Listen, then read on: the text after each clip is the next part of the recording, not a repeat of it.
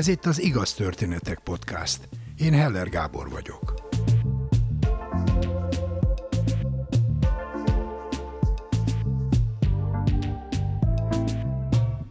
Miért vagyok ilyen béna? Miért nem tudok olyan lenni, mint mindenki más? Mi a baj velem? Már gyerekkorunkban elkezdődnek az ilyen és ehhez hasonló párbeszédek magunkkal, és gyakran hosszú éveken át folytatódnak. Ha ez az önhibáztatás, az érzés, hogy nem vagy úgymond normális, rendszeressé válik, és komoly gondokat okoz a mindennapi életedben, emberi kapcsolataidban, érdemes segítséget keresned. Mert bebizonyosodhat, hogy te tényleg különbözöl másoktól. Melokko Anna mesél. 5 vagy 6 éves voltam körülbelül, amelyen helyet ezzel tudtam olvasni, de hát nyilván nem olvastam Jókai összest még akkor, de hogy nem csak a dobozáról ismertem fel a C-vitamint, hanem már így el tudtam olvasni, és az a fajta C-vitamin volt, amelyiknek ez a cukros bevonata volt. Ez 80-as években szerintem őrült nagy sikere volt a gyerekes háztartásokban. És valahogy hallottam a felnőttektől, hogy ha valaki sok gyógyszert szed be, akkor, akkor nem él. Valakivel ez meg, meg is történt az ő baráti körükben. Szóval a C-vitamint is gyógyszernek tekintettem, mert hogy azt mondták, hogy nem szabad nagyon sokat bevenni, mert hogy akkor attól baj lesz. És a halál, és az, hogy valaki nem él, az annyit jelentett, hogy, hogy alszik. Amit én mindennél jobban szerettem volna, hogy aludjak mindig örökre. Ez volt a célom, mert hogy bármi más jobb, mint ahol én vagyok, ahol állandóan félek és szorongok, nyilván nem állandóan, de zömmel igen. Fogtam magam, megbeszéltem a medvével, akivel együtt laktam, volt egy ilyen hatalmas medvém, ami körülbelül akkora volt, mint én, anyukám valami turnéről, mert hogy a válogatott kosaras volt, hozta haza. És én ezzel a medvével elég sok mindent megdumáltam, mert hogy vele sokkal könnyebb volt beszélni, mint bárki mással. Gyakorlatilag valószínűleg ezt a C-vitamin ügyet is említettem. Tehát megkerestem a spájzban azt a C-vitamint, ami a mindenféle lejárt vagy nem járt javak között volt, és hát beszedtem az összeset, amit találtam, hogy mondjuk egy levél C-vitamin volt, de hát tekintve, hogy egyet kaptam minden nap, ezért gondoltam, hogy az bőven elég lesz. És akkor vártam, hogy akkor elalszom. És mindig a medve ölében aludtam, úgyhogy ott is lefeküdtem a medve ölébe, és így vártam, hogy akkor most lesz valami. Nyilván felébredtem, lehet, hogy egy picit aludtam, de felébredtem, majd utána majdnem biztos, hogy kipiséltem az egészet. Amikor egyáltalán el tudtam mondani azt, hogy nekem rossz, az általában annyi volt, hogy azt mondtam, hogy fáradt vagyok, és mindig fáradt vagyok. És akkor általában azt kaptam, hogy a gyerek nem lehet fáradt. Tehát, hogy a gyereknek nincsen dolga, majd meglátom, amikor felnőtt leszek, hogy na, akkor majd fáradt leszek, de hát én nem akartam felnőtt lenni, mert gyerek sem akartam lenni, tehát nem akartam lenni. Ezután volt egy ugrás, ami a 14 éves koromban volt, amikor már ennél sokkal okosabban tudtam erről is gondolkodni, tehát pontosan tudtam, hogy a C-vitamin az nem annyira pálya, viszont azt tudtam, hogy az altató igen. És a csodálatos nagyszüleimnél voltam, tudtam, hogy a mama hol tartja az altatóját, mert volt, hogy én vittem be neki. Nagyon megörültem neki, emlékszem, hogy, hogy milyen sok van benne, tehát hogy akkor biztosra mehetek. És miközben a, az elképesztően fantasztikus nagypapám, aki egyébként ő volt az ügyvéd a családban, tíz testvére volt, és ő volt mégis, a, a, akit tiszteltek, és ő volt az ügyvéd úr, aki mindig megmondta, hogy mi lesz a családdal. Ő aludt a szomszédban, és a másik szobában pedig a nagymamám, akit ha lehet, picit még jobban szerettem talán. És én is lefeküdtem aludni, azzal az örömmel, hogy végre nem kell soha többet felkelni, mert hogy bármi történik, biztos, jobb, mint ez. És ami még fontos szerintem, hogy engem vallásosnak neveltek, katolikusnak, és tudtam persze, hogy az öngyilkosság az halálos bűn, ami azért elég faramúcilásuk be, tehát, hogy öngyilkos vagy, az halálos bűn, hát uh-huh. tehát, hogy igen, tulajdonképpen ezt szeretném. Tehát, hogy az a vallásos nevelés még jobban be, rányomta bélyegét arra, hogy, hogy lelkiismeret furdalásomnak kell, hogy legyen, mert mindenem megvan, és a halálos bűnt készülök elkövetni, de hogy egész egyszer nem bírom. Tehát nem vagyok elég erős ahhoz, hogy ezt a bűnt el tudjam kerülni. Tehát, hogy ami miatt szorongtam és féltem, és ö, nem éreztem magam egyáltalán komfortosan bőrömben az életemben, az az, hogy ö, azt éreztem, hogy nem tudok normális lenni, hogy nem tudok olyan lenni, mint a többiek. Tehát, hogy megpróbáltam úgy viselkedni, úgy ö, beszélni, úgy ö, lenni, mint ahogy ők vannak, mert hát ez volt a normális, és akkor talán nem veszik észre, hogy én nem vagyok az. De amikor a ezek a mélyrepülések, és a, hát most már tudom, hogy a depressziós időszakok voltak, akkor pedig az meg már fizikailag fáj. Fizikailag is fáj. Sokan fekete kutyának hívják egyébként, ami érdekes szerintem. Én nem kutyának látom, de mindenképpen sötétnek és feketének, és olyan fizikailag és érezhető tehernek, ami levethetetlen, ami csak uh, szimulációval, amit már, mint hogy én szimuláltam, és nagyon sokan szimulálnak mentális betegek, hogy legalább mások ne tudják. Tehát, hogy az én nyomoromat, az én lelkiismeretfordulásomat, azt, hogy nekem mindenem megvan, és ennek ellenére nem tudok normálisan viselkedni, ezt csak így tudtam elviselni. 14 éves koromban a nagyszüleimnél beszettem a nagymamám altatójából közel két levélnyit. Nem tudom, hogy mennyit aludtam, nem emlékszem rá egyáltalán. Következő villanás az az volt felülről, tehát felülről láttam ezt az egészet, amikor a nagypapám teljesen eszköztelenül elveszítve az összes családfő és ügyvéd és fontos emberi mi voltját próbált téblábolni, hogy mit tud segíteni, miközben a nagyanyám az összes erejével próbált életben tartani, amíg a mentők ki nem érez, érkeznek a kádban. Engedte rám a vizet, könyörgött, beszélt hozzám, kiabált velem, mindenfélét próbált megcsinálni, hogy életben maradjak. És ez az a kép, ami, ami még mindig tud szégyent okozni, viszont hogy ez az a kép villam be, amikor úgy érzem, hogy nem vagyok elég erős, hogy ellenálljak annak a kísértésnek, hogy megöljem magam. Nagyon sokszor ez segített abban, hogy azt a döntésemet, ami ezután következett a kórházban töltött, és a majdnem sikeres öngyilkosság után, hogy, hogy már pedig én többet ilyet nem csinálok. Tehát, hogy azért, mert láttam, hogy a hozzám legközelebb álló emberekkel ez, ez mit csinál. A következő kép az volt, hogy az orvosok körülöttem beszélgetnek, hogy gyorsan a beöntést. Volt az a kép, amikor anyám ül az ágyam mellett fogja a kezem, sír és mondja, hogy mennyire szeret. Ami viszont egy ilyen furán hangzik, de kellemes emlék, és kellemes kép az a tejszerű köd, amiben lebegtem. Ami annyival könnyebb volt, mint addig az, az életem bármelyik napja. Olyan volt, mint hogyha, mint hogyha könnyű lennék végre, vagy, mint hogyha nem kéne küzdenem, mint hogyha nem, nem erőből kéne úgy csinálnom, mint hogyha normális lennék, mert hogy nem kell annak lennem. És akkor ezután, amikor napokkal később már teljesen magamhoz tértem, akkor öntött el ez a mérhetetlen szégyen. Tudtam, hogy eszközöket kell találnom ahhoz, hogy ezt el tudjam kerülni, azt a, a szinte ellenállhatatlan késztetést, hogy, hogy ez elviselhetetlen, és bármi jobb, mint az, amiben élek elkezdtem kényszeríteni magam például arra, hogy meglássam a szépet, a, a színeket, az illatokat, a, a beszédhangokat, a, az állatokat, a madarakat, és a többi. És akkor találkoztam először pszichológussal, 14 évesen. Egy, nyilván egy gyerekpszichológus volt, aki, akinek emlékszem a készfogására, ami olyan volt, mint egy döglött halé, és akkor valószínűleg ezért is leginkább írtóztam tőle, és túl akartam lenni az egészen, hát hiszen a döntést már meghoztam, tehát innentől kezdve egyedül ezt végig tudom vinni, szimulálni tudok, valahogy boldogabbá tudom tenni magam, néha azért vannak jó időszakaim is, amikor könnyű minden, és tudok szárnyalni.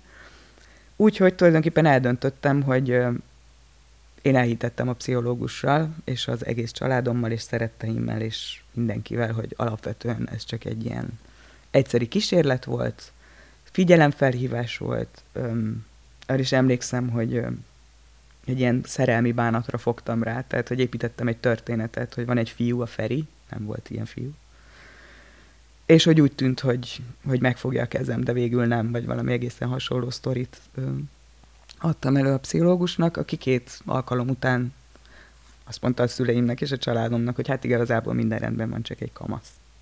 És akkor megint egy viszonylag nagy ugrás, egészen addig tényleg egyedül próbáltam már egyre okosabban, vagy nem is biztos, hogy okosabban, mert hogy annyira okos nem voltam, hogy rájöttem volna, hogy segítségre van szükségem, de hogy a szimulálás már sokkal jobban ment, a készségeket sokkal jobban tudtam már használni, például a szépséget megtalálni, de 28 éves koromban jött az első teljes összeomlásom. Akkor lettem majdnem alkoholista, hogy más nem nagyon tudtam csinálni, csak dolgozni. Ha nem megyek dolgozni, akkor kiderül, hogy rosszul vagyok. Illetve anyukámékat látogatni, mert hogyha nem megyek látogatni, akkor kiderül, hogy valami nem stimmel. És emellett naponta, amikor hazamentem, akkor megittam egy-két üveg bort, mert tudtam, hogy akkor tudok aludni három órát. Anélkül nem tudtam. Muszáj volt, hogy aludjak meg, mert nem tudtam volna elmenni se dolgozni, se anyukámhoz. az a máznim volt, hogy még, még a főiskola alatt, amikor én kommunikációt és közgazdaságot tanultam, már akkor elkerültem gyakornoknak az Origo nevű portálhoz. És ott gazdasági újságíró lettem, ami egyrészt elképzelhetetlen volt, mert hogy az volt az internetgyár, tehát hogy akkor nem nagyon volt még internet, volt az Origo meg az Index körülbelül, nem volt otthon számítógépem, miért is lett volna. Tehát én viszonylag gyorsan bele kellett, hogy tanuljak ebbe az internet dologba, plusz teljesen fogalmatlanul gazdasági újságíró voltam, úgyhogy nem értettem se az üzleti élethez, se a közgötet, hogy teljesen fogalmatlan voltam. Viszont azt gondoltam, hogy akkor el tudom végezni az iskolát, hogyha a gyakorlatban vagyok. Tehát, hogy ott biztos megtanulok sokkal több mindent, mint a könyvekből. Viszont ez azt is jelentette, hogy állandóan észnél kellett lennem. Egyrészt dolgoztam, másrészt iskolába jártam, folyamatosan emberekkel beszéltem, úgyhogy nem tudtam sokat arról a dologról, amiről én riporterként kérdeztem, illetve amiről írtam.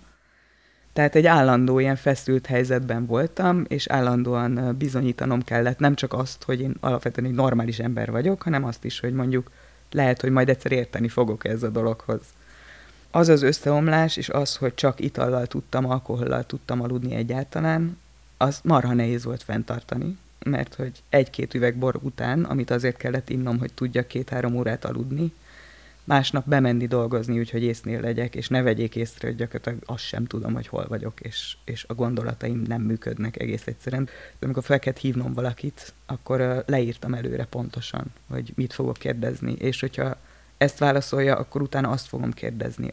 Leírtam, hogy engem hogy hívnak, tehát hogy a bemutatkozó szöveget is leírtam, hogy innen és innen keresem, arról szeretnék beszélni, és...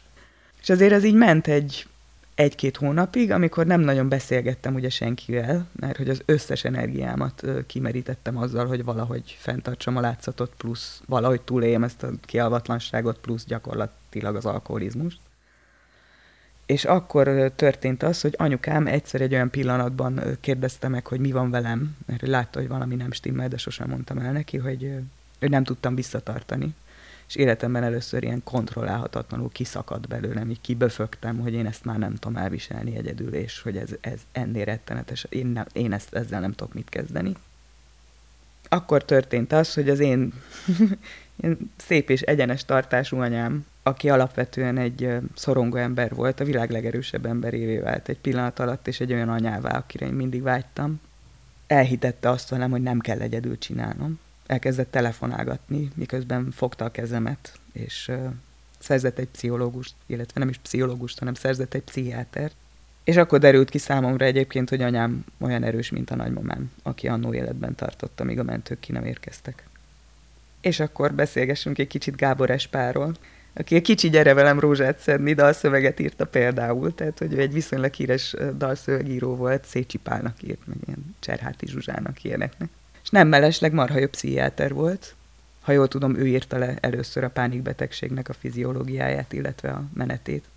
És ő nem nagyon vállalt már új betegeket, akkor is idős volt, nem tudom pontosan, hogy hány éves volt.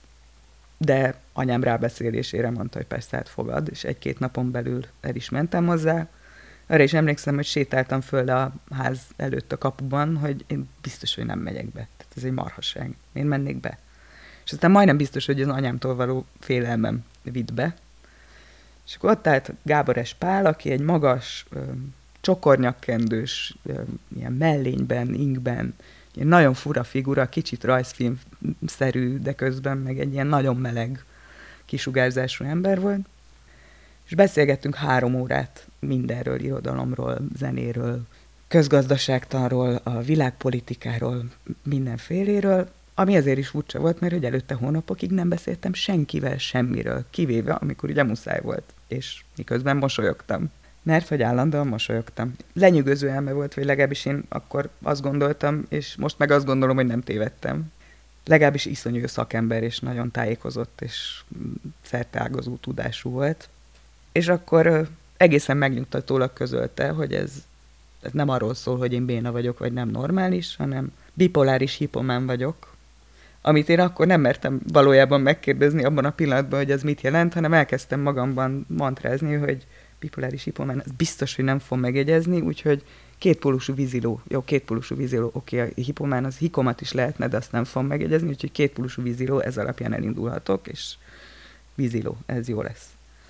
És akkor utána elkezdett mesélni a, a híres bipolárisokról, például Adiról, és akkor elmondta, hogy, hogy a mániás depresszió az miről szól, és hogy régen egyáltalán nem tudták ezt diagnosztizálni, de hogy az urakat bohémoknak tartották, parasztok pedig elviselhetetlen bunkók voltak, legalábbis a közmegítélés szerint, tehát hogy ez nem egy újdonsült dolog, nem vagyok ebben egyedül, és nem én vagyok egyedül a béna a világon. Kaptam egy gyógyszert, nem emlékszem, hogy mit, amitől tudtam aludni, és úgy jöttem el tőle, hogy tudok beszélgetni. Olyan volt, mintha leemeltek volna rólam egy fél háznyit körülbelül terhet, ezt a sötétet, amiről már eddig beszéltem. És akkor megnyugodtam, ami a mentális betegek legnagyobb marhassága, hogy tök jó, mert van neve, most tudok aludni, és akkor utána leteltem a gyógyszert, mert most már tudom csinálni egyedül, hát hiszen most már tudom, hogy nem az én bénaságom, eddig is csináltam, megvannak az eszközeim, tök jó, tudok mosolyogni, most már tudom, hogy majd tudok egyébként is mosolyogni. Nem is mentem hozzá vissza soha többet, és leraktam a gyógyszert. Nem egy jó ötlet ez, tehát senkinek nem javaslom, sőt, nagyon szépen kérek bárkit, aki ezt hallgatja, hogy ne csináljon ilyet. Ez azzal is járt, hogy elkezdtem beszélgetni a, erről az egészről, a vízilavamról gyakorlatilag a barátaimmal.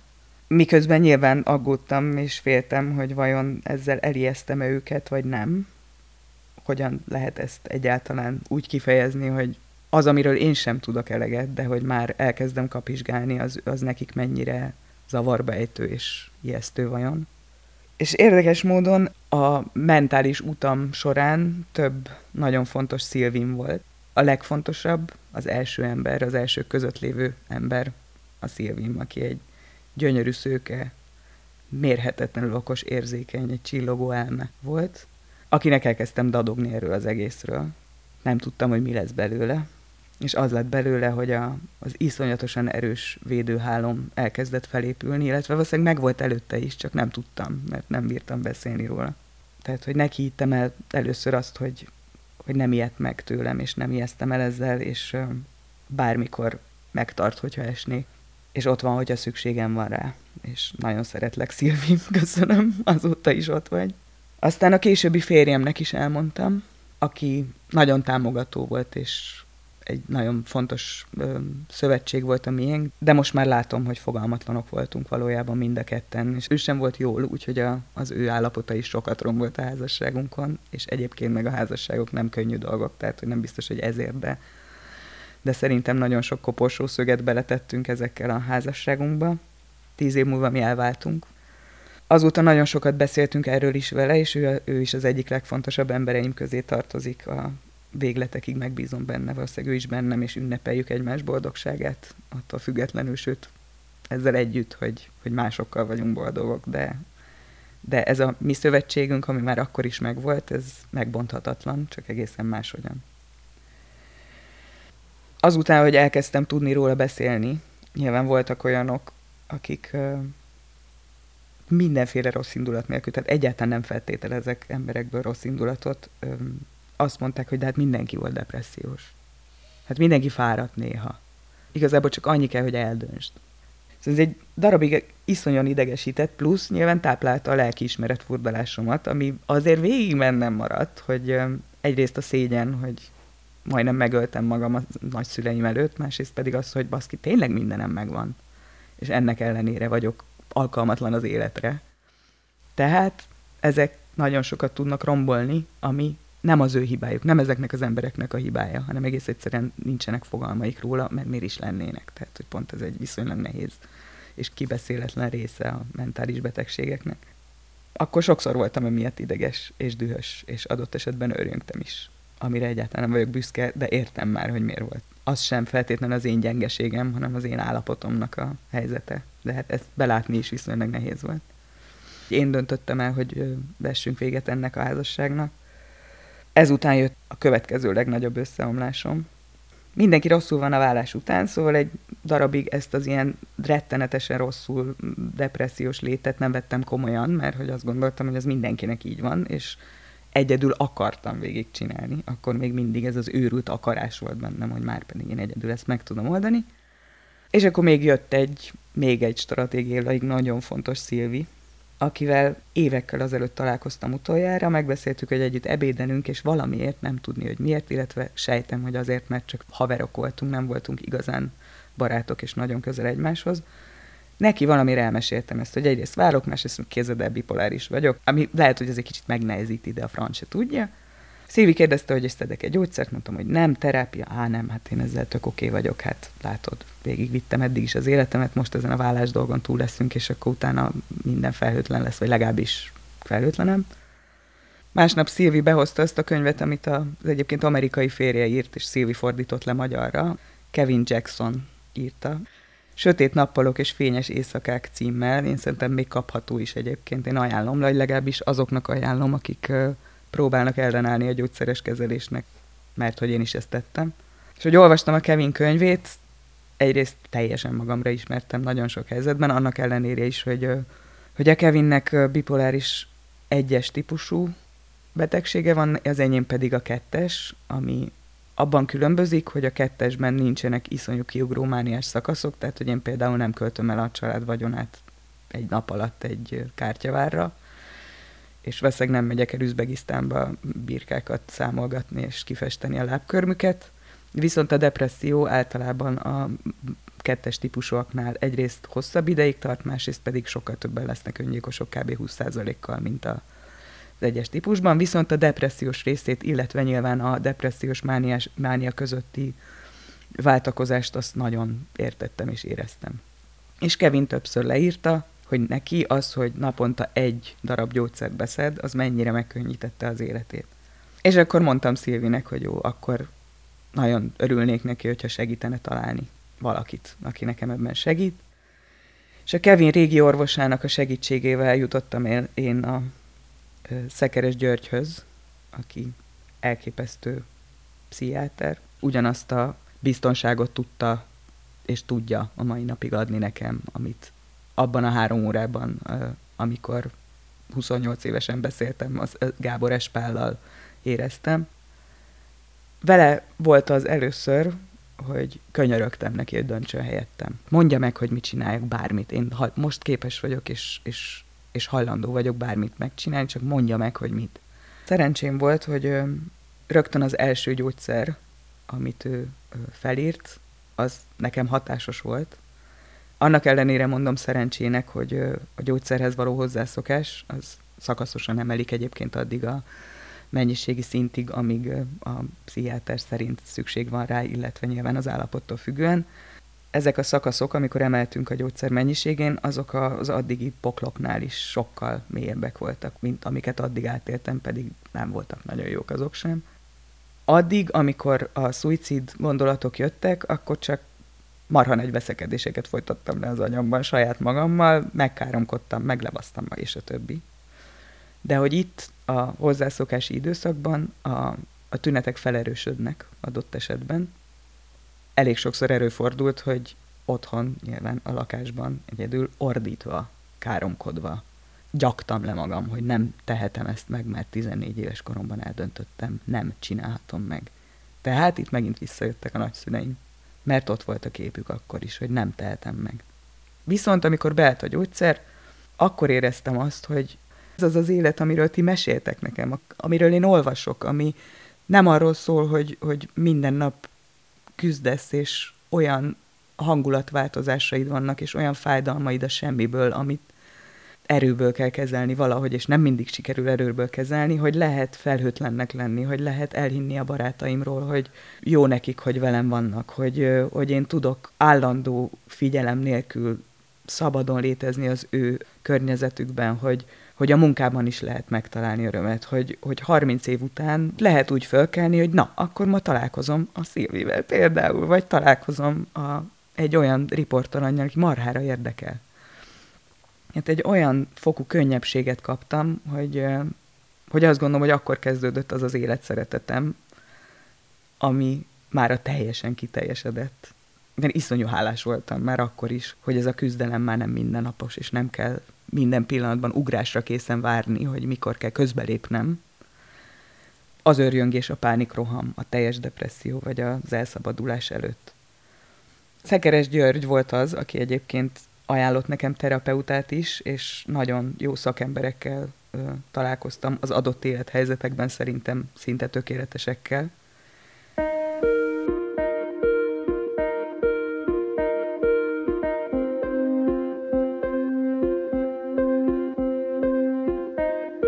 A világon valószínűleg én vagyok az egyik legboldogabb ember, mert minden nap hálás vagyok, és minden nap az első számú érzelmem az a hála. A védőhálómért, a barátaimért, a szeretteimért, a szakembereimért, és az életemért, hogy olyan, amilyen.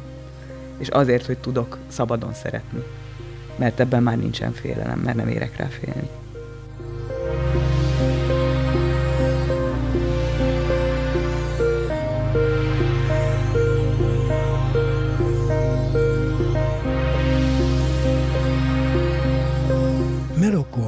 Újságíró, kommunikációs szakember.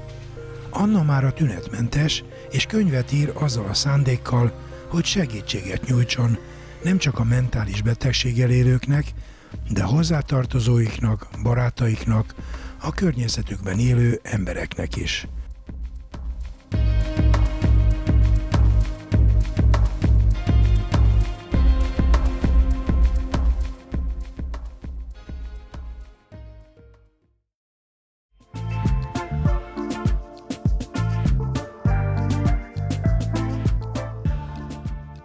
Mindenkinek vannak sorsfordító, képtelen, megható vagy mulatságos történetei. Nem vagy se túl fiatal, se túl öreg ahhoz, hogy te is mesélj egy történetet nekünk. Írd le egy oldalon, vagy vedd fel a mobilodon néhány percben, és küld el az igaz, kukac, igaztörténetek.hu e-mail címre. Várjuk! Kövess bennünket a Facebookon.